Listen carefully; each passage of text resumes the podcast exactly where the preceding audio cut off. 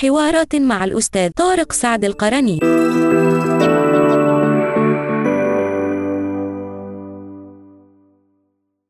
المسألة تعود إلى الجهاز المفاهيمي. إذا غيرت مفهوم واحد لابد أن أغير جميع المفاهيم في هذا الجهاز وإلا لفسد هذا المفهوم. ال- ال- المفاهيم هنا أنت تقصد القناعات الجوهرية أو تقصد ال- ال- اللي هي مرتبط يعني جميع المفاهيم سواء كانت جميع قيم المفاهيم جميعها جميع نعم. المفاهيم بما فيها القيم بما فيها المبادئ بما فيها يعني معتقدات الإنسان كاملة. طيب أنا عندي هنا سؤال. نعم. بالنسبة للإسقاطات النفسية والحيل اللي أنت ذكرتها نعم. طبعا.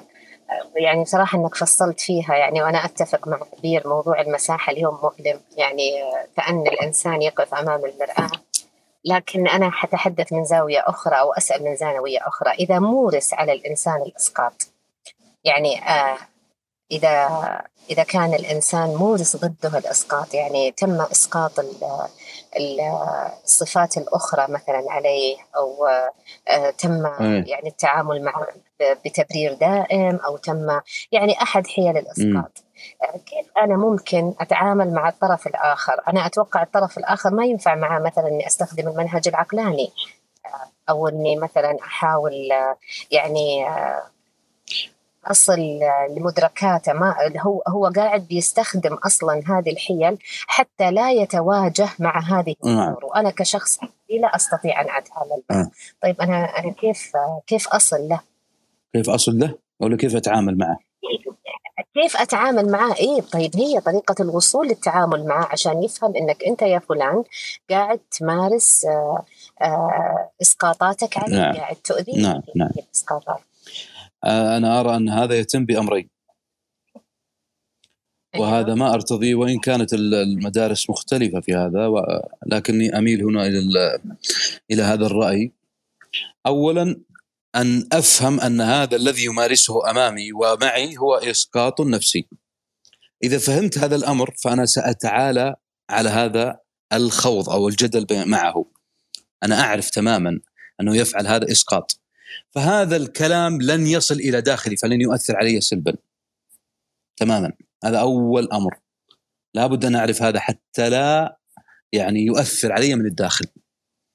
الأمر الثاني ان أحاول أن أساعده بالقدر الذي أستطيع عليه. وقد تكون مساعدتي له أن أبتعد عنه. لاحظي. قد تكون مساعدتي له أن أبتعد عنه. ولكن إذا عرفت أن هذا الذي يفعله معي هو اسقاط نفسي هنا سأ- سأجعل بيني وبينه حاجزا. فلا أتأثر ب- بكلامه الذي يقوله. كلام لا يعنيني وكأنه يتحدث مع غيري. هذا نقطة مهمة جدا حتى لا يتأثر الإنسان بكل ما يسمعه. ويصدق أنه كذا وكذا وكذا. أنت لست كذا. أنا أمر أنا شيء آه شخص آخر. الأمر الثاني كما قلت أنا أساعده بالقدر الذي يستطيع عليه. قد يصل الأمر إلى أن أبتعد عنه. هذه هي مساعدتي له وأن أبتعد عنه. نعم. طيب بالنسبة لل يعني أنت يعني اني أنا أتفهم لكن المجتمع الوحيد ممكن ما يتفهم. ممكن يبدأ يتبنى اسقاطاته وهذه إحنا ندخل الآن في في مشكلة اجتماعية لأنه ممكن الطرف هذا يعني يبدأ بإشاعة هذه الإسقاطات في المجتمع ال- المحيط. أن أحاول عن طريق الوعي أن أغير حالة اجتماعية معينة عن طريق الوعي بها. أكثر من هذا لا أستطيع. أنا في النهاية إنسان لست الله حتى أغير العالم. طيب آخر سؤال. نعم. أنا اكثرت عليك آسف. لا لا أبدا أبدا. يعني تسمحوا لي- بسؤال ثالث طيب. نعم. آه، آه، تشوهات الطفولة. آه، وال- والنفس السوية واللا سوية. يعني إحنا إحنا نرى نعرف إنه إنه الأطفال آه، ظاهريا قد يكونون أسوياء ولكن في داخلهم هناك تشوهات. تبدأ تخرج في مراحل عمرية متأخرة. ويمكن هي الإشكالية. إنك أنت لما ترجع لل- للماضي تجد إنهم تربوا بطريقة سوية طبيعية يعني يعني بالحدود المعقولة. نعم. لكن التشوهات عندما تظهر في الكبر يعني وتكون في مراحل عمرية كبيرة جدا كيف أنا ممكن أني آه، يعني آه، أستطيع توجيهها والسيطرة عليها إذا ما كان هناك قناعة داخلية من نفس الإنسان نعم. فكريا عن طريق معرفة الأفكار ومكاشفتها. وهذا ما تميل إليه المدرسة التحليلية كاملة ومدرسة يونغ والمثاليين بشكل عام. كل المثاليين يميلون إلى هذا. أن أعرف المشكلة فأح فتنحل المشكلة من خلال معرفتي. مثل الذي ينتظر مثلا تحليل نتيجة مثلا معينة أو اختبار نتيجة اختبار. هو يريد أن يعرف في النهاية حتى يزول عنه القلق. فإذا زال القلق تعامل معه بطريقة صحيحة وقد تكون هذه الطريقة في النهاية طريقة خارجية لا داخلية. يعني بمعنى انه يزول القلق الداخلي وهذا أهم شيء يريده الإنسان. تبقى هناك أفكار خارجية لا, لا إشكال فيها وإن طالت. الأمر الثاني هو أن يذهب إلى مختص. مختص نفسي طبيب نفسي وفي البداية تقريبا سيذهب إلى مختص. وهنا ستبدأ كثير من الأفكار التي بداخله يناقشها نقاشا ولهذا دائما ما أقول. لا تتحدث عن خصوصياتك الداخلية لكل أحد. لا تجعل من نفسك وكأنك صحيفة يقرأها كل أحد. آه، اجعل نفسك آه، اجعل لنفسك معنى تعيش من خلاله. هذا الأمر مهم جدا. لا تجعل حياتك قاعدة اجتماعية. يعني أنا أرى كذا فمعنى ذلك أن أضعها كان قاعدة اجتماعية للجميع. هذه ستكون أولويات لديك. تجعلك بعد ذلك قادرا على الدخول إلى عالمك النفسي ولكن بطريقة صحية. أمر مهم جدا. لا يوجد إنسان على وجه البسيطة إلا ولديه اضطرابات نفسية. فمسألة القضاء التام على الاضطرابات النفسية هذه ليس لها وجود ابدا في حياتنا الدنيا. حياة كبد لا يوجد ابدا إلا إلا أن تكون الاضطرابات النفسية. هذا أمر يجب أن يكون مفهوم ويجب أن تتعايش معه. أما مسألة الصفاء التام هذا سيأتي إن شاء الله في الجنة أما في غيرها فلن يأتي على حسب اعتقادنا يعني. فلا يوجد شيء اسمه أن أنتهي من حياتي حياه الاضطراب. سيبقى الاضطراب موجودا لديك حتى من تذهب له في العيادة. ستجد أن عنده مشاكل أسرية وستجد أن عنده مشاكل مع فلان ستجد أنه مضطرب و... إلى آخره. وقد لو كررت زيارة عليه قد تجد أنه اليوم مزاجه ليس كمزاجه مثلا في المرة الماضية. هو نفسه الذي يعالجك. من هنا يجب أن يفهم الإنسان هذا الأمر مبدئيا. لأن كثير يريدون الوصول إلى مرحلة صافية تماما في النفس. هذا أمر غير صحي. هذا الأمر غير صحي. أمر ثاني ثقافي. أنا سأجعلها في ثقافتنا العربيه ما هو موجود في بلد عربي مثلا لنفترض فلان في الجزائر مثلا وهي بلد غالي علينا طبعا لكن أنا سأتحدث هنا جغرافيا. قال قولا معينا. ومجموعة وافقوه على هذا. لا يعني هذا أنني أنا هنا مثلا في السعودية أو فلان في سوريا أنه يصلح له هذا الأمر. لكن ما الذي يجعله ساريا نحن عندنا بشكل عام في ثقافتنا العربية؟ هي اللغة المشتركة. لغته مثل لغتنا وعندنا خطابات من قديم الزمان ونحن نقول العرب واحد وحدة العرب. فيبدو عند المتلقي يعني الذي لم يتعمق في هذه الفكرة أن المشكلة الموجوده في الجزائر معناها أنها موجودة عندي. هنا تأتي هذه الصورة الذهنية وتتركب عندي بطريقة خاطئة. ولهذا تجدين كثير مثلا ممن دولهم تتعرض لمثلا إشكالات حربية مثلا. أن كثير من خطاباتهم تكون سوداوية. فيتلقفها من لا سوداوية في حياته أصلا. تصبح حياته سوداوية كانه ليس لا يعيش يعني بطريقة صحيحة. مع العلم أن مقتضيات حياته مختلفة تماما عن ذلك السوداوي. كمن يقرأ مثلا لكافكا ويتأثر لا يوجد أي اتصال بينك وبين كافكا. لا ظروف واحدة إنسان يتكلم من واقع من عاش في الحرب العالمية الأولى. إنسان عنده أصلا هو إشكاليات عنده إشكاليات مع والده لا تخفى لعلكم تقرؤون ما كتبه عن لوالده. وغير ذلك يعني لا يوجد أي اتصال بيني وبينه. ومع ذلك أتأثر به. لماذا؟ لأنني فارغ من الصور الذهنية التي تجعلني أقيم هناك آليات للدفاع. ليس الآليات الدفاعية التي تتحدث عنها لا. لكن هناك جيش داخلي يمنعني من قبول هذه الصورة. هذه الصورة تصلح لفلان لأنه يعيش في البيئة الفلانية لكن لا تصلح لي أنا. هذه الفكرة تصلح لفلان الذي يعيش في الأسرة الفلانية لكن لا تصلح لي أنا. وهنا تأتي فكرة أيضا العالم الافتراضي. ليس كل ما أشاهده عند فلان معناه أنه صحيح هو فلان قد يكون فعل هذا الأمر لاسباب تجارية وليس لأسباب حقيقية صحيحة.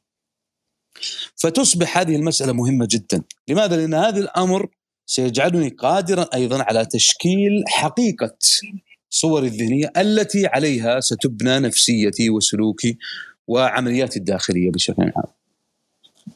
نعم يعطيك العافية أستاذ ولك تبادر إلى ذهني آه، يعني أنت هنا تنفي النفس المطمئنة أو أنه مثلا آه، من الصعوبة بمكان أن لا لن أنفي شيئا. لا لا لا لا, لا أنفي. أم أن أم أن النفس المطمئنة لا تعني السواء الكامل طبعاً. إنما آه، تعني الرضا والرضا والقبول وال نعم نعم.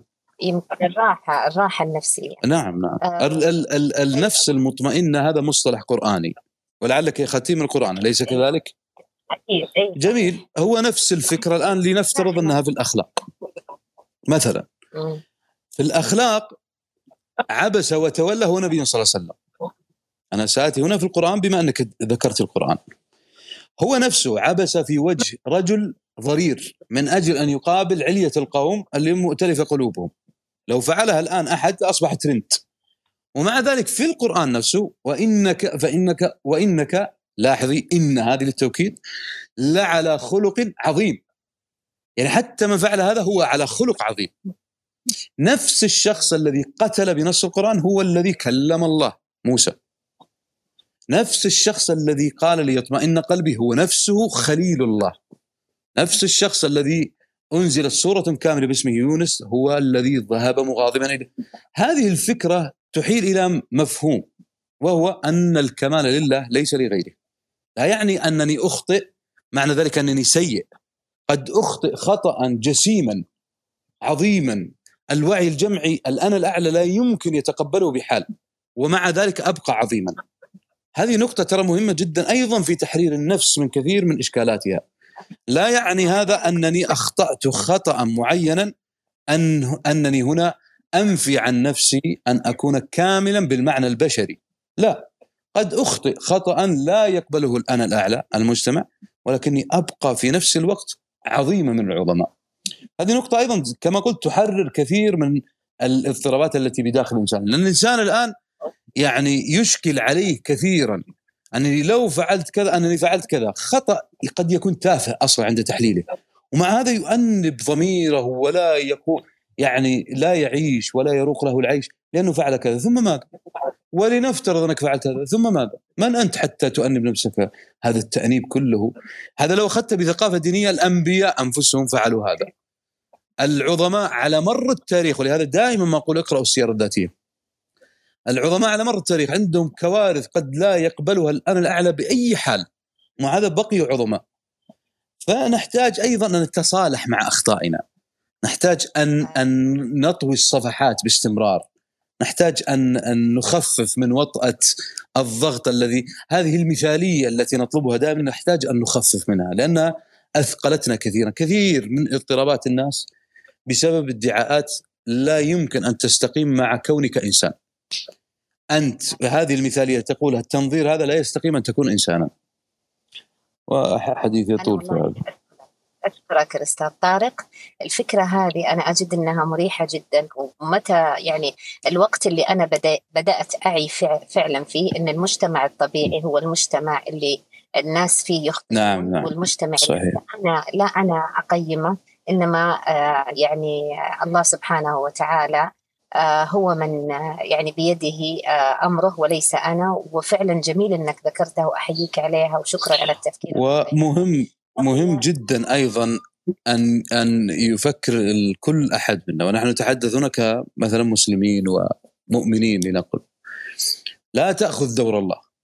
إياك أن تأخذ دور الله. تحاسب هذا وتحاسب هذا وتحاسب هذا. عندما تحلل نفسك ستجد نفسك ك... كأبي جهل مقارنة بعمر. وأنت تحاسب هذا وتحاسب. لست مسؤولا عن هذا. ابدا. لست مسؤولا. ولهذا مهم جدا. لا يعني هذا أن يتخلى الإنسان عن موقفه الأخلاقي. نعم أنا أتحدث عن الأفكار وأبث الأفكار الإيجابية والصحيحة. وسيأتي غيري يلتقط هذه الأفكار ويطبقها ما دامت صحيحة. لكن دون أن أتعرض لفلان وكأني أجادل فلان. هنا حتى لو كان على صواب قد قد لا يأخذ هذا الصواب. النفس الإنسانية لا تحب من يطأ. يطأها باستمرار. لا تحب هذا. حتى من والدك والدتك لا تحب هذا. أن تحب مثلا حتى على سبيل المثال أن تقول لوالدك أنني سأخرج. لكن أنت لا بأس بذلك أن تقول لوالدك سأخرج. لكن قد يكون في إشكالية أن يأتي والدك يقول أين ستذهب؟ مع أن النهاية واحدة لكن ال- الطريقة مختلفة. فمهم جدا أن يتحرر الإنسان من هذا المفهوم. مفهوم أن أضع نفسي مكان الله. هذا أول أمر وهو خطير جدا. مفاهيم أخرى أيضا متصلة بمف- بمسائل ما تحرر الإنسان من كثير من الأفكار التي قد يبنيها غيره. حياتك قدراتك إمكانياتك لا تصلح لي. وإمكانياتي وقدراتي لا تصلح لك. ولكن في النهاية الناتج واحد أنني أكملك وتكلم وتكملني. وهذا هو المعنى الدقيق لكلمة لتعارفوا. كيف نتعارف ونحن آه، متطابقين تطابقا تاما؟ وكيف كيف من الممكن أن أتعارف على الآخر أو أن أتطور مع الآخر أو أن أتفاعل ايجابيا مع الآخر وأنا لا أختلف عنه؟ ولهذا من جميل ما أصله ابن تيمية أنه قال الاختلاف اختلاف التنوع هو الأصل الذي تبنى عليه المجتمعات. أما اختلاف التضاد هو الأصل الذي تهدم به المجتمعات. حتى أقدامك وأنت تسير. إذا لم تتقدم الأولى على الأخرى لن تتقدم خطوة ستبقى مكانك. فنحتاج إلى هذا التنوع في التصورات لكن الناتج واحد أن لا تضرني ولا أضرك وأن نسعى دائما لهذا التنوع الذي يرتقي بنا. من هنا سنحدث سيحدث لدينا تخفيف لما يسمى الكآبة الاجتماعية التي قد تصل بعد ذلك إلى أن تصبح هي الكآبة النفسية. نعم. تمام. الله أكبر. جميل جدا أستاذ طارق أحييك وأحيي يعني وأركز كمان على نقطة التتبع العورات. وأنت ذكرت العالم الافتراضي وأنه أحيانا يكون هناك تناقض. الناس تبدأ تتتبع الشخص وترى التناقض ما بين حياته الواقعية وما بين حياته نقول الافتراضية. رغم أني أنا أشوف أن يعني في مقولة شهيرة أنا لا أكذب ولكن اتجسد نعم. جميل إن الإنسان أنا اشوفها درجة نضج إذا أنت تتفق معي أو تخالفني ودي أسمع رأيك درجة نضج عالية إن الإنسان يظهر الجانب الجميل طالما هو آه، في موقع تأثير. ولا أشوف إنها ولا أشوف إنها نفاق ولا أشوف إنها تزليف طالما إن هذا الجانب الجميل آه، يعني لا يؤثر على الآخرين سلبيا. نعم نعم. وطالما نعم،. يخضع لقوانين المجتمع ومبادئه وقيمه. بعكس مثلا يعني الحين اللي شابين على المشاهير إذا كان المشهور مثلا يدلي ب- بأفكار أو قيم سيئة من حقهم لكن التجمل أمام الناس أو إظهار الأفضل وأيضا إحنا من جهتنا عدم تتبعهم وعدم تصيد تصيد الزلات أنا أشوف إنها درجة نضج عالية جدا. استمتعت كثيرا بالحوار معك أستاذ طارق وأنا آسفة أبو مريم إذا كان يعني طولت على المايك. أهلا أهلا بك. شكرا لك يا أستاذة فاطمة. شكرا لك. شكرا. شكرا لك أختي فاطمه واهلا وسهلا مم. فيك. آه لا والله أنا لا تقولين آسفة لأنك خليتيني أستمتع بالكلام اللي قاله أبو سعد. استمتاع رائع. يبين آه، ك... أصلا فتحت في عقلي كذا مساحة على الكلام اللي أنت قلت. لا بأس. لكن. يمكن الوقت الآن والله. أزف ولا؟ إي والله لأن عشان كذي. كنت بقول يا أخوان آه لأن ما عندنا باق- وقت. باقي أتمنى عندنا أحد؟ أتمنى. ولا انتهينا إي والله باقي. ها؟ والله كيفك أبو سعد؟ إحنا ما أخذنا من وقتك. إي. لا لا لا بس بس اخذ طيب آخذ فقط الإخوان اللي المايك. أنا نعم. آسف جدا روح سول آسف جدا جدا جدا. نعم. طيب أختي فاطمة الأنصاري. أهلا وسهلا فيك. إخواني قاعد أمشي بالدور يا إخواني لو سمحت. تفضلي فاطمة الأنصاري. السلام عليكم ورحمة الله. طيب أنا عندي أكثر من سؤال وحطرحهم تباعا وبشكل سريع. لا خليهم سؤال واحد الأهم الأهم لأنه والله فعليا ما عندنا وقت. طب هم مرتبطين ببعض والأستاذ طارق يجاوب على اللي يبغاه منهم. السؤال الأول هل الآليات النفسية هي تعبير آخر للمغالطات المنطقية؟ لا لا لا لا لا. طيب. تنبهوا من هذا لا طيب. لا. المغالطات المنطقية التداولية لا مختلف طيب يعني نفسي أعرف الفرق. الشيء الثاني هل الأفكار في المجال النفسي هي ما نعنيه بالأفكار في المجال الفلسفي؟ نعم يمكن هو نفس نعم. السؤال الأول. أعيدي؟ نعم، لا لا أعيدي. هل هل الأفكار مسمى الأفكار في المجال النفسي هي ما نعنيه بالأفكار في المجال الفلسفي؟ نعم. النظرية. طيب إذا كان إذا كان الجواب بنعم هل هذا معناته إنه المعالج النفسي بيدرس فلسفة عشان يفكك هذه الأفكار يفترض يفترض به هذا. المفروض نعم يفترض به هذا ولكن لا أعرف ما ما الواقع. يفترض أن يدرس جميع طيب. العلوم الإنسانية. ليس فقط الفلسفة لكن يركز على الفلسفة. لكن يعني طيب، في كثير من العلوم الإنسانية لا يتبع هذا. يعني المرعى أخضر لكن الغنم مريضة. نعم. طيب بالنسبة للسؤال الأول لما اللي هو هل الآليات النفسية تعبير آه، آه، آخر للمغالطات المنطقية؟ قلت لا. طب كيف بيتم التفريق بينهم؟ هذا موضوع واسع جدا يعني لكن ليست هذه بهذه. نحن نتحدث عن أمور أخرى مختلفة تماما عن المغالطات على فكرة أنا لست مع المغالطات المنطقية هذه نقطة. وهذه أشيعت في الثقافة العربية وأصبحت سلاحا بائتا بائ لا قيمة له. معرفيا المغالطات المنطقية هي هي يعني طبعا أنا أفهم أنك تقصدي أن طب هي جزء من الفلسفة؟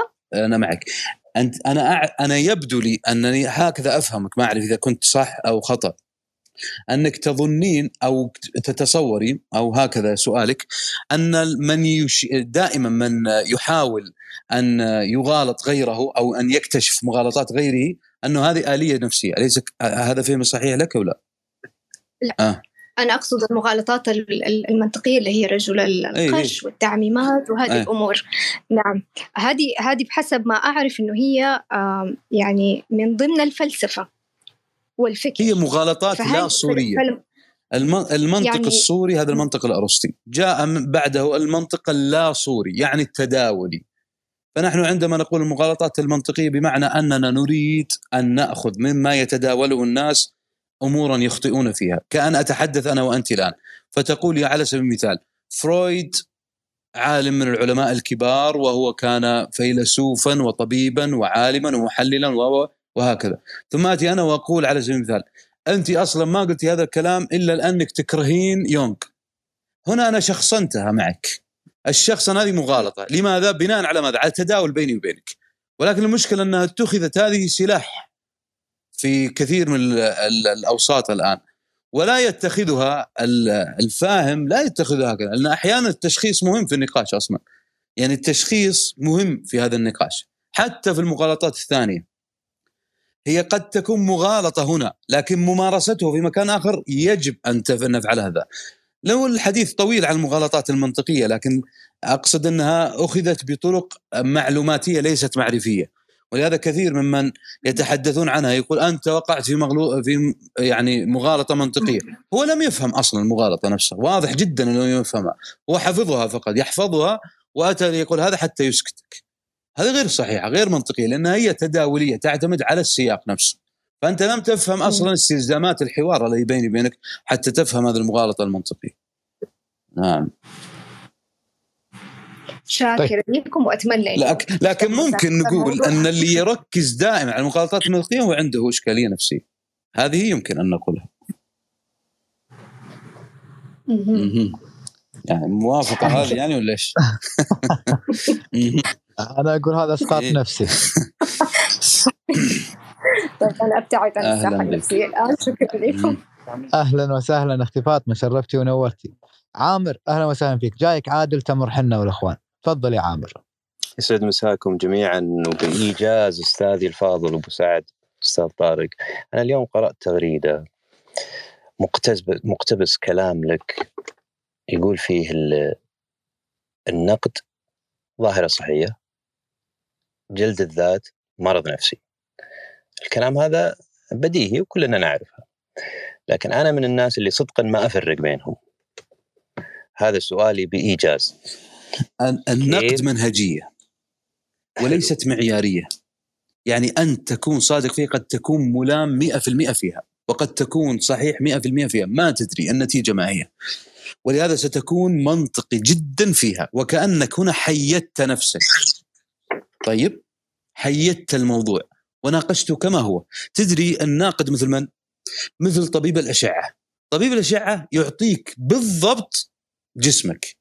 دون أن يعطيك معيارا. أنت مريض أنت بخير ما لي علاقة. لي علاقة أني أكشف ما بداخلك بدقة. فالناقد هنا مثل طبيب الأشعة تماما. مم. جلد الذات لا كما أقول هو معاونة الذنب أو الخطأ أو سمي ما شئت على النفس. أنا هنا أجلد نفسي بالنص تماما. يعني أنا لنفترض أني كسرت كوبا. فبدل أن أنظف هذا الكوب وينتهي المسألة لا أجلس وأجلد يدي أضرب يدي أضرب يدي أضرب. ثم ماذا؟ لا أنا اللي نظف المكان ولا أنا اللي تجاوزت المسألة ولا أنا أنما ضربت نفسي ما الفائدة التي س... ولا شيء إنما هنا أحاول أن يعني معلش الكلمة لكن بين قوسين أضحك على نفسي بأني هنا أنا فعليا عاقبت نفسي على الخطأ فلن أعود إلى الخطأ مرة أخرى هذا خطأ أكبر من الخطأ الذي وقعت فيه في المرة الأولى. هنا أنهكت يدي وجسدي وطاقتي على شيء لا قيمة له. فهنا تأتي جلد الذات. أنا دائما أقول جلد الذات هو فعليا أنت تقتل نفسك بنفسك. تجاوز هذا الأمر. قلنا قبل قليل أولي العزم ماذا فعلوا؟ وليس هذا تق- تقليلا منهم ولكن الكمال لله ليس لنا نحن البشر. طبيعي الإنسان كائن خطاء. يجب أن تغرس هذه في ذهنك. لا يعني هذا أن أسعى للخطأ. لكن إذا أخطأت اقلب الصفحة وأبدأ من جديد. اعتذرت مثلا لفلان وقدمت له اعتذاري. أخطأت لفلان اعتذرت منه؟ نعم.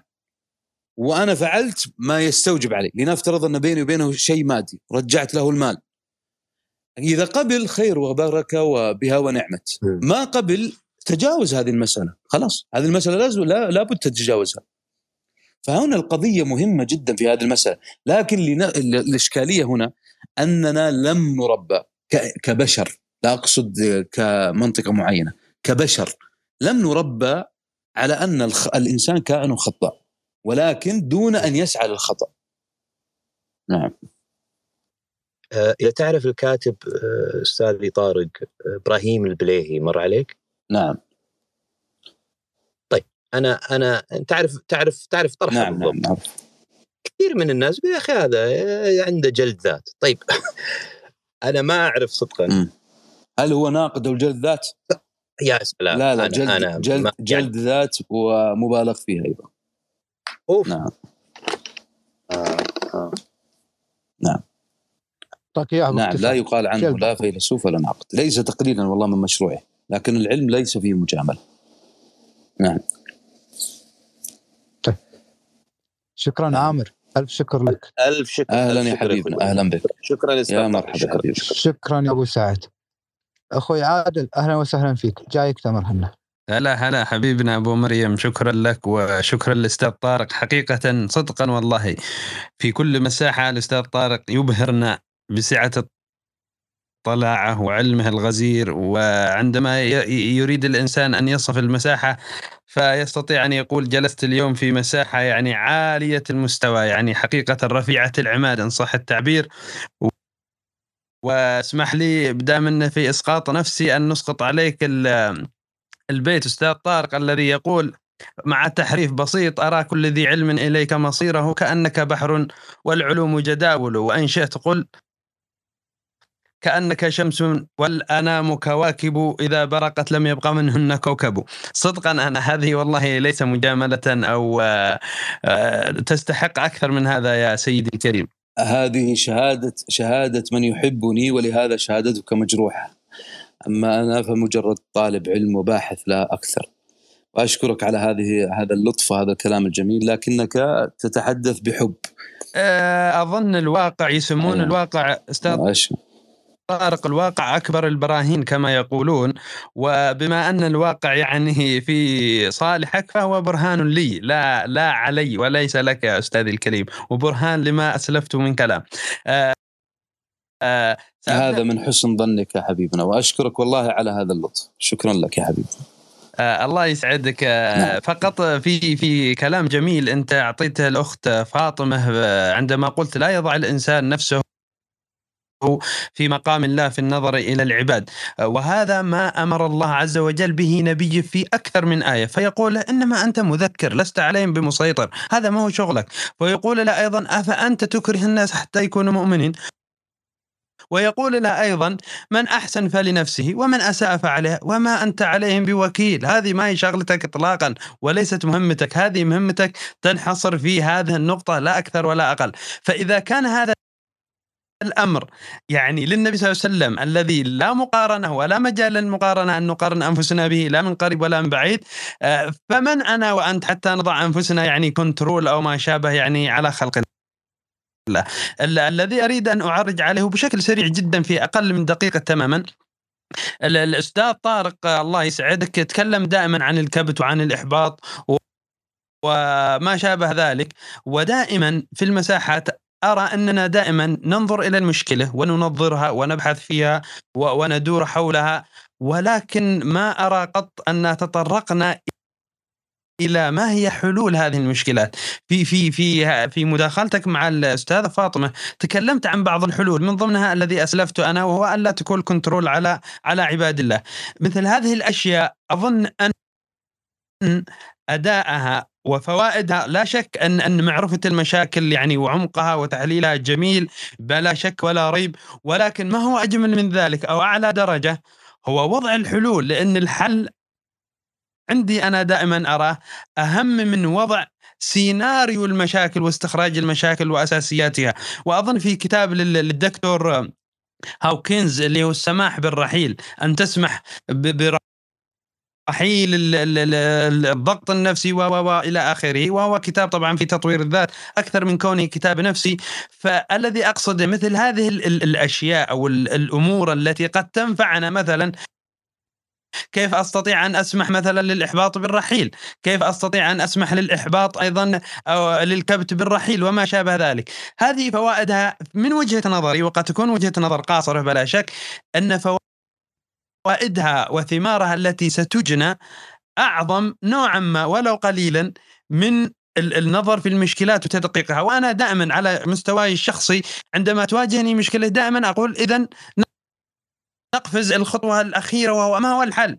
كما قلت أنت في الذي يكسر الكوب، لماذا لماذا كسرت الكوب وكيف أجيب؟ لا، الخطوة نقفز إلى الخطوة النهائية وهي أن تجيب مكنسة وتكنس الكوب وترمي في الزبالة وانت بكرامة وانتهت القضية، فإذا لماذا لا نقفز إلى هذه ال- ال- ال- النقطة؟ وأنا أعتذر عن الإطالة ورغم أن كان عندي بعض الأمور الكثيرة لكن أرى المساحة في نهايتها. وشكرا جزيلا لك سيدي الكريم. أي والله خالد. شكرا. شكرا يا عادل. ولك الشكر يا. حبيبنا واهلا وسهلا فيكم جميعا يا أخوان. مليون مرحبا شرفتوني ونورتوني. أه تمر حنا. أهلا وسهلا. لكن قبل هذا أنا أريد أن. أشير إلى. نقطة حتى يعني تكون أيضا واضحة.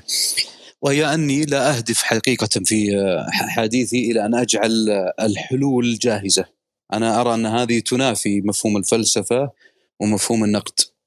أنا هنا أتحدث بأفكار وأحللها بمعنى أفسرها أنقدها إلى آخره.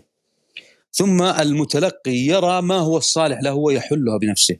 أنا هنا لا أريد أن أطبق النظام الأبوي على غيري.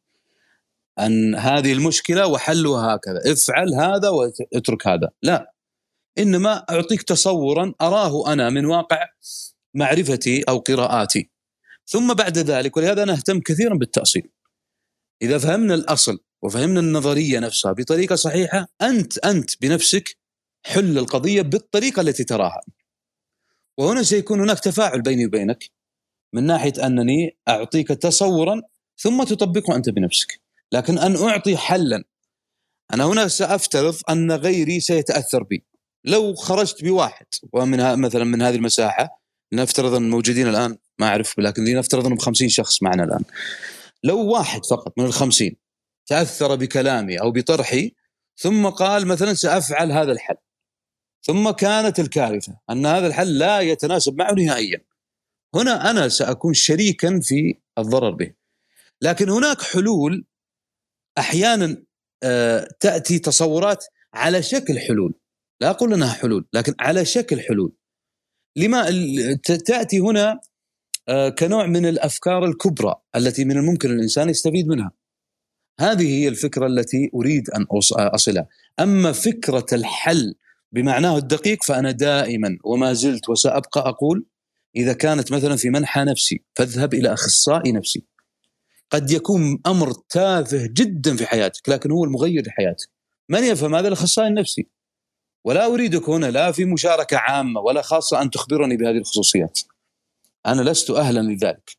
أنا أقولها من باب الأمانة المعرفية التي آه، أنشدها. ولهذا تذهب إلى الأخصائي والأخصائي هنا سيحفظ هذا الأمر طبعا اخلاقيا زائد أنه سيعطيك ما يناسبك أنت وقد لا يناسب أخيك الشقيق. هذه الفكرة مهمة جدا أريد أن آه، أوصلها دائما. وعلى الأقل هذه طريقتي التي أتبعها وقد تكون خاطئة في نظر البعض وهي جزء من بضاعتي المزجاة التي آتي هنا لأنثرها كي أستفيد من غيري. نعم. شكرا يا أبو سعد أنا بس فقط للتنويه يا أخوان بإذن الله الأسبوع القادم راح نكون في سلسلة مدرسة فلسفية بقياده أخونا أستاذ طارق وتحت اشراف أخونا أستاذ محمد آل جريب والإعلامي الأنيق عبد العزيز العرف ومعنا الاستاذه مريم الرئيس والأخت فرح بعض من الإخوان والخوات في الإدارة. من الأسبوع القادم بإذن الله آه، امسيتين أو آه، حلقتين سبيسين في الأسبوع. مدتها من ساعتين إلى ساعتين ونص. ناخذ أو نتناول من بداية الفلسفة. واللي بيشترك في هذه الحصص ال- ال- خلينا نقول إنه يكون أمر آه، بعيد كل البعد عن آه، مساحاتنا المعتادة لأنه أمر كبير آه، إعلام وهالأمور هذه. فاللي بيشترك إن شاء الله يوم الجمعة أبو سعد نفتح مساحة على الأمر هذا. الجمعة أو السبت حسب الجمعة. حسب القدرة. أنا غالبا السبت. الأساسي. يعني باعتبار إن الدرس الأول سيكون مبدئيا الأحد والدرس الثاني سيكون الأربعاء سنوحدها حتى في وقت واحد.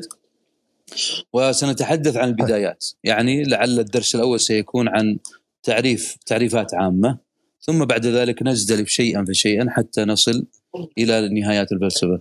وسنتحدث طيب، عن بإذن الشروط والتقنين لانها ستكون دروس مختلفة عن هذه المساحات العامة يعني.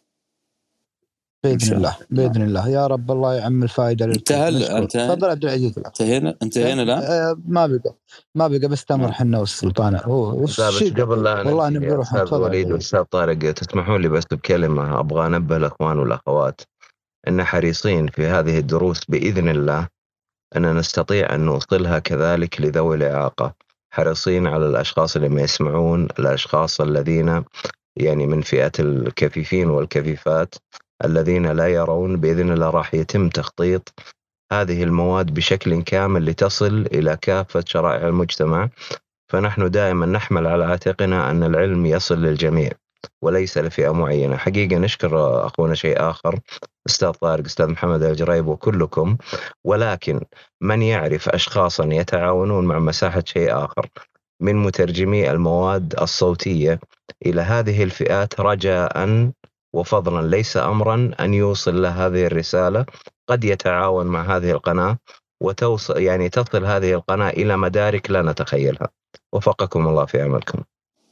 وموفق أنت في شكراً هذا يا الاختيار أبو. والله أنا يعني آه، يعني أشد على يدك وأرى أن هذا الأمر يعني أمر عظيم جدا لمن يقوم به وهو أهم من دور من سيلقي الدرس حقيقة يعني. فأنا يعني حقيقة مبدئيا أشد على يدك وأتمنى حقيقة الجميع أن يتفاعل مع هذا الأمر. وهذه الدروس لنا جميعا يعني. وإن كان من سيلقيها يعني معينا لكنها للجميع والفائدة للجميع ونستفيد من الجميع. نعم. يا رب. الله يقدم لي فيه الخير. وأتمنى والله. في من الأصدقاء يسمونهم خطابه أو شغلة كذا. إن شاء الله أنا ببحث من عندي. واللي يعرف يا أخوان يدز لي بالخاص. أتمنى والله أتمنى الامر هذا. شكرا يا عبد العزيز شكرا يا أبا سعد. طيب تمر حنا أهلا وسهلا.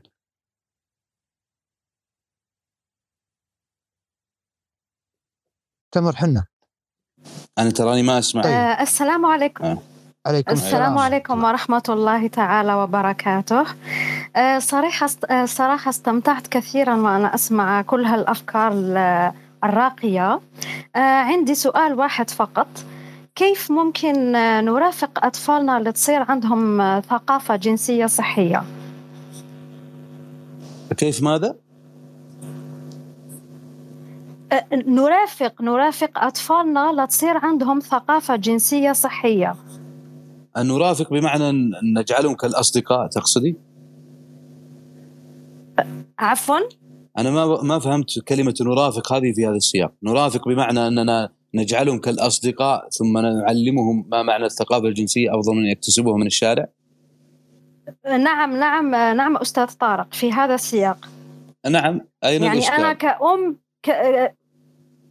يعني كي... كيف ممكن يعني نساعدهم مشان تكون عندهم ثقافة جنسية صحية هذه مسألة يعني تختلف أيضا من آه، أم وأب إلى أم وأب تختلف من أسرة إلى أسرة تختلف من شخص إلى شخص. أنا في البداية تحدثت وفي غير هذا المكان عن أفكار عامة. ولكن هنا أيضا من باب الأمانة العلمية ما دمت سألتي سؤالا موجها تحديدا هنا الفكرة العامة أن أتحدث حسب ما يستطيع الابن أن يفهمه حسب عمره حسب المقتضيات التي آه، بداخله حسب معرفتي أيضا بشخصيته. ما الذي سيقال؟ يقال حسب العمر حسب الحالة النفسية حسب الاستعداد النفسي لتقبل هذه الفكرة. أيضا المسألة هنا ستأخذ مناح أعمق من هذه. لكن إذا بدأنا هنا في يعني لنقل العمق الأكبر فأنا أرى من وجهة نظري أن الأفضل أن يستعين الشخص بمستشار أسري سواء كان متخصص في علم النفس الأسرة أو كان مثلا في الاستشارة النفسية التي تأخذ من علم الاجتماع أيضا أفكارها.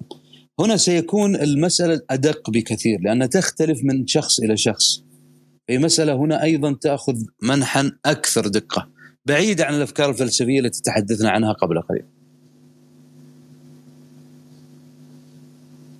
نعم. شكرا. شكرا. شكرا أستاذ طارق. شكرا. ولك الشكر. شكرا للجميع. أهلا. شكرا. أهلا وسهلا أختي تمر حنا شرفتي شكرا يا أبا سعد. أختي السلطانة تفضلي باختصار لو تكرمتي. آه مرحبا صباح الخير. مدري مساء الخير. آه عندي مد... كل عام وأنتم بخير. عندي مداخلة وعندي مشاركة بس. مداخلتي آه أنا بسأل عن الموقف ما أدري يعني هو واقعيا من الوهم ولا لأنه يحصل معي كثير يعني الدكتور طارق. آه يعني موقف قد مر عليك من قبل ومع الوقت يعني تشوفه يتكرر يعني كذا مرة.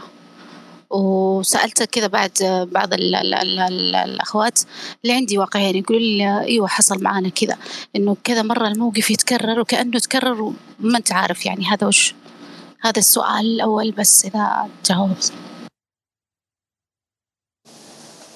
إيه أن تكرر الموقف؟ أي تكرر كأنه تكرر شيء ماضي مضى يعني راح إيه؟ وكأنه تكرر يعني حصل معك من قبل كأنه ولا يعني تكرر؟ لا كأنك عشته من قبل بس يعني أنت مو كأنك متى عشتي إيه هذا. في اللاوعي وتحدثنا عنه أيضا في عندما تحدثنا عن يونغ لأنه أيضا أطال فيه بمعنى أن الإنسان يكتسب هنا. كثير من الصور التي أخذها من العالم الخارجي وتتخزن عنده في اللاوعي. بس ما يعرفها لأنه ما دقق عليها. فهي تمر. يعني مثل ما قلنا كال- مثل الكاميرا الأوتوماتيك اللي تلقط صور يعني في اللاوعي أي هذه. تصبري عليه حتى أعطي لك فكرة كاملة. فيلتقط هذه الصور تتخزن عنده تتخزن عنده. لكن ما يعطيها ما يحولها إلى وعي عن طريق إنه يعطيها مفهوم وتصنيف وكذا. فتبقى عنده في اللاوعي. تمشي الأيام تروح الأيام يأتي يوم من الأيام يرى موقف معين أو شخص معين يقول هذا أنا قد شفته من أول بس ما أدري وين. أنا قد مر علي الموقف هذا بس ما أدري كيف. أنا مرت علي كذا بس ما أدري وين. هذه الفكرة هي فكرة إن هذا موجود في اللاوعي بس مش مشكلته إنه مش مصنف عندي. ما صنفته عندي في وقتها. ما وعيته ما حطيته في اللاوعي في الوعي. هو باقي عندي يعني أنا كأنه مر علي بس ما أدري وين فهمت الفكرة؟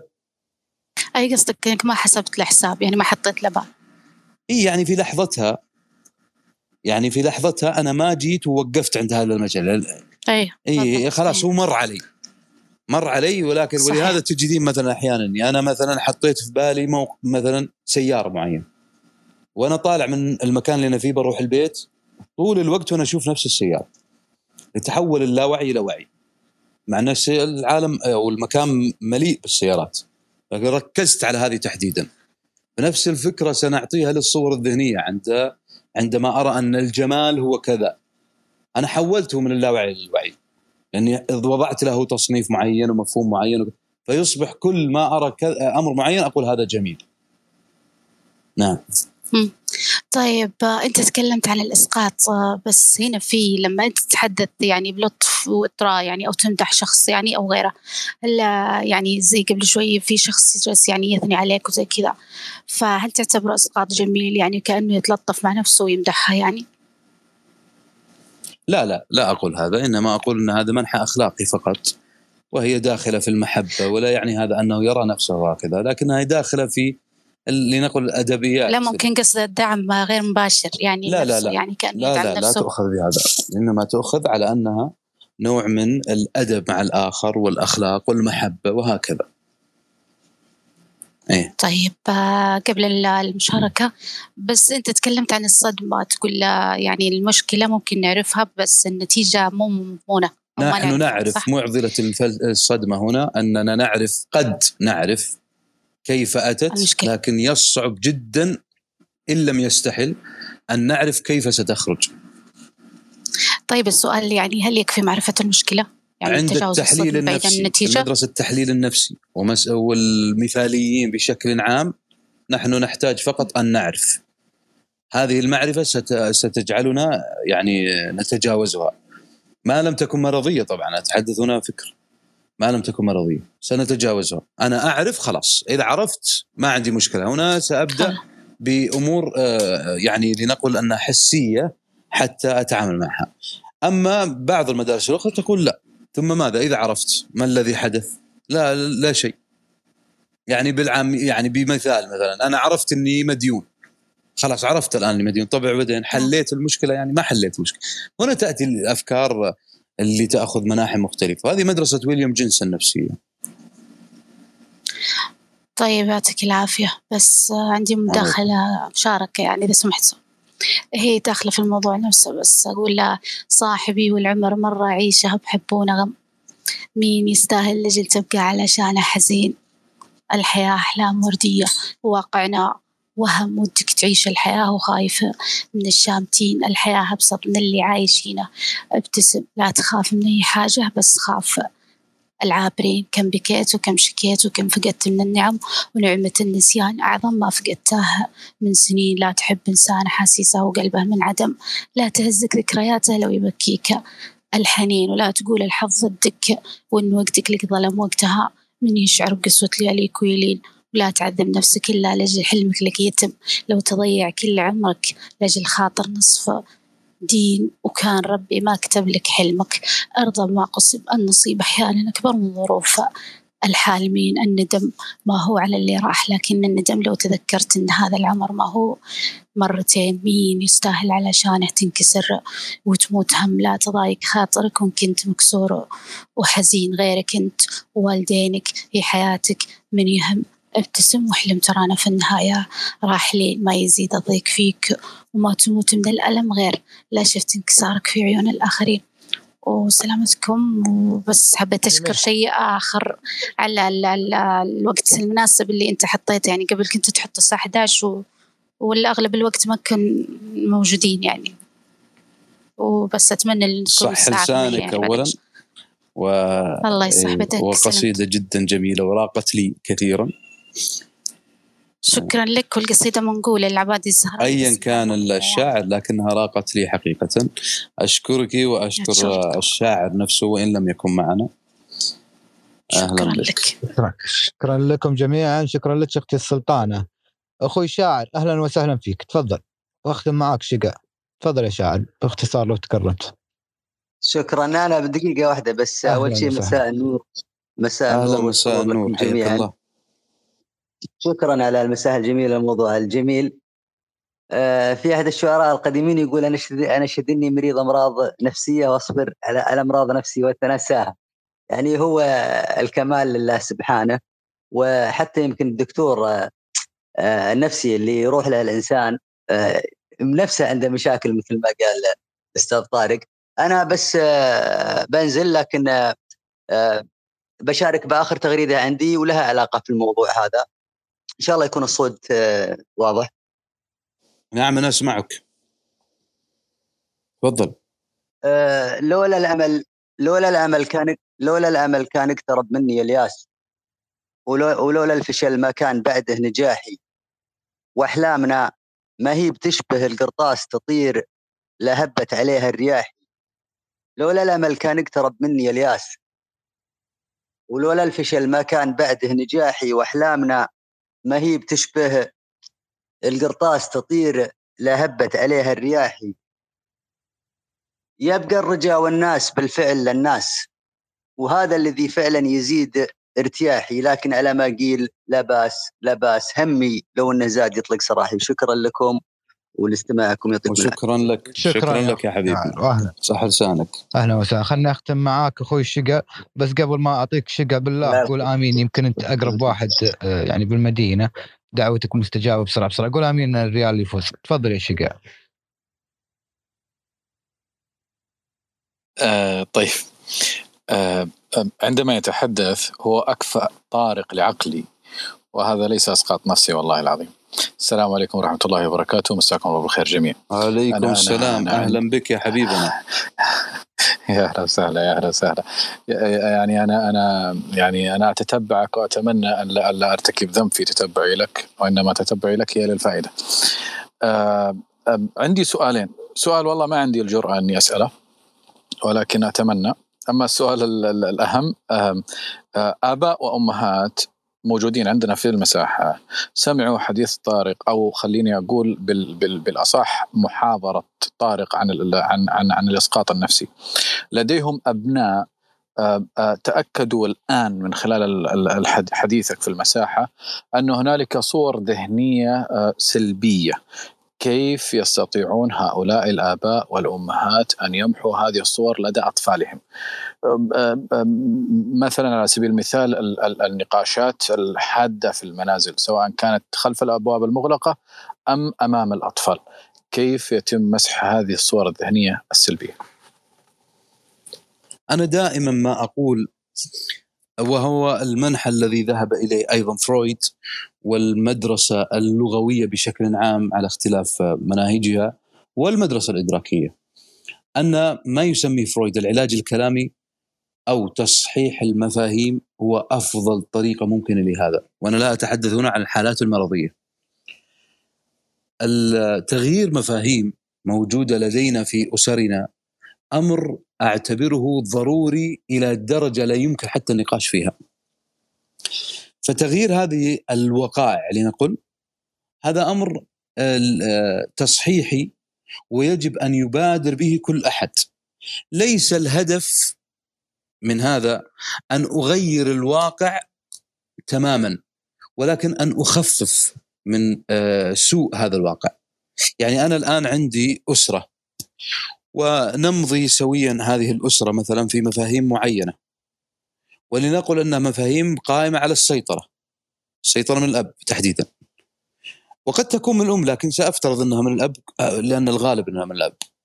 هنا يجب أن أفهم امرا معين مفهوم الأسرة لا يقوم على التبعية إنما يقوم على المشاركة. أنت تعود أبنائك أصلا أن لا يشاركوا في أي أمر في المنزل. إذا أنت وليت كل شيء في المنزل حتى ترتيب يعني ترتيب حتى أمورهم الشخصية يعني بعض الآباء يتدخل حتى في كيف ترتب ملابسك في الدواليب كيف ترتب مثلا أغراض المطبخ هنا أنت لم تجعل لهم أي عمل يقومون به فأنت هنا نزعت عنهم هذه المسألة وهي مسألة خطيرة جدا ستجعل منهم بعد ذلك أناس لا يعتمدون على أنفسهم في أي أمر ولا يتحملون أي مسؤولية.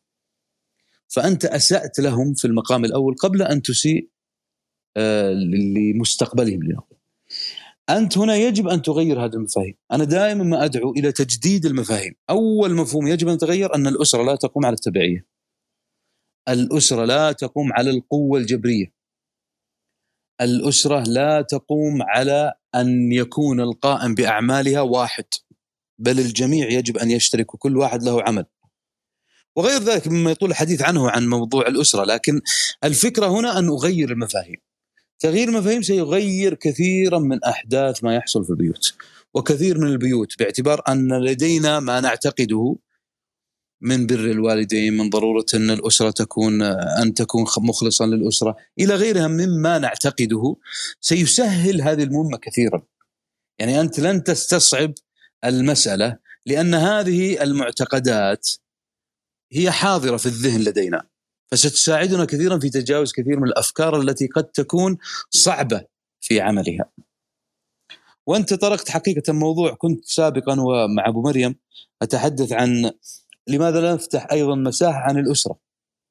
وهو موضوع حقيقة يعني أجده رائعا ومهما جدا. لكن لعل هذه آه، فقط يعني تصور سريع عما ذكرته. إكراما لك. كرمت كرمت الله يسعدك. يا حبيبي. شكرا لك يا شقا. شكرا لك يا ابو سعد الشكر. عادل آه، آه، إذا تقدر تأجل بعدين لأن مضطري آه، نطلع. عادل أخوي حبيبي. حاضر يا قلبي أنا بس كنت بقول للدكتور طارق إني ال- ال- الحلول هي الحلول الإجمالية مثل الكأس ومثل النصيحة الذي أوردها الآن ومثل نصيحة أن الإنسان لا يقوم مقام الله. هذه الحلول التي أو أشرت إليها. ليس الحلول الخاصة أستاذي العزيز وشكرا جزيلا لوقتك. ولك يا حبيبنا شكرا لك عادل شكرا جزيل الشكر لك يا أبو ولك. سعد. وبإذن الله بإذن الله لنا لقاء آخر إن شاء الله. الجمعة أو السبت انت تفضلت. وأقول حق الإخوان هم ثاني مرة على ال- ال- البرنامج الفلسفي إن شاء الله بإذن الله. شكرا يا أبو سعد. ولك الشكر يا الشكر وآسف لا لا ابدا. ولك. الشكر وللجميع. وأرجو أن يكون فيما طرحناه اليوم فائدة. أنا شخصيا تعلمت منكم واستفدت كثيرا مما طرحتموه. وأرجو أن يكون فيما قلته فائدة وفاتحة باب للتأمل وتحسين كثير من الصور الذهنية التي لدينا. شكرا لكم. يا على. خير جميعا. وأنت مع أهل الخير. شوف المباراة قبل لا تنام. يمكن نفوز إن شاء الله على بالك لا لا بس يلا في أمان الله جميعا. يا مرحبا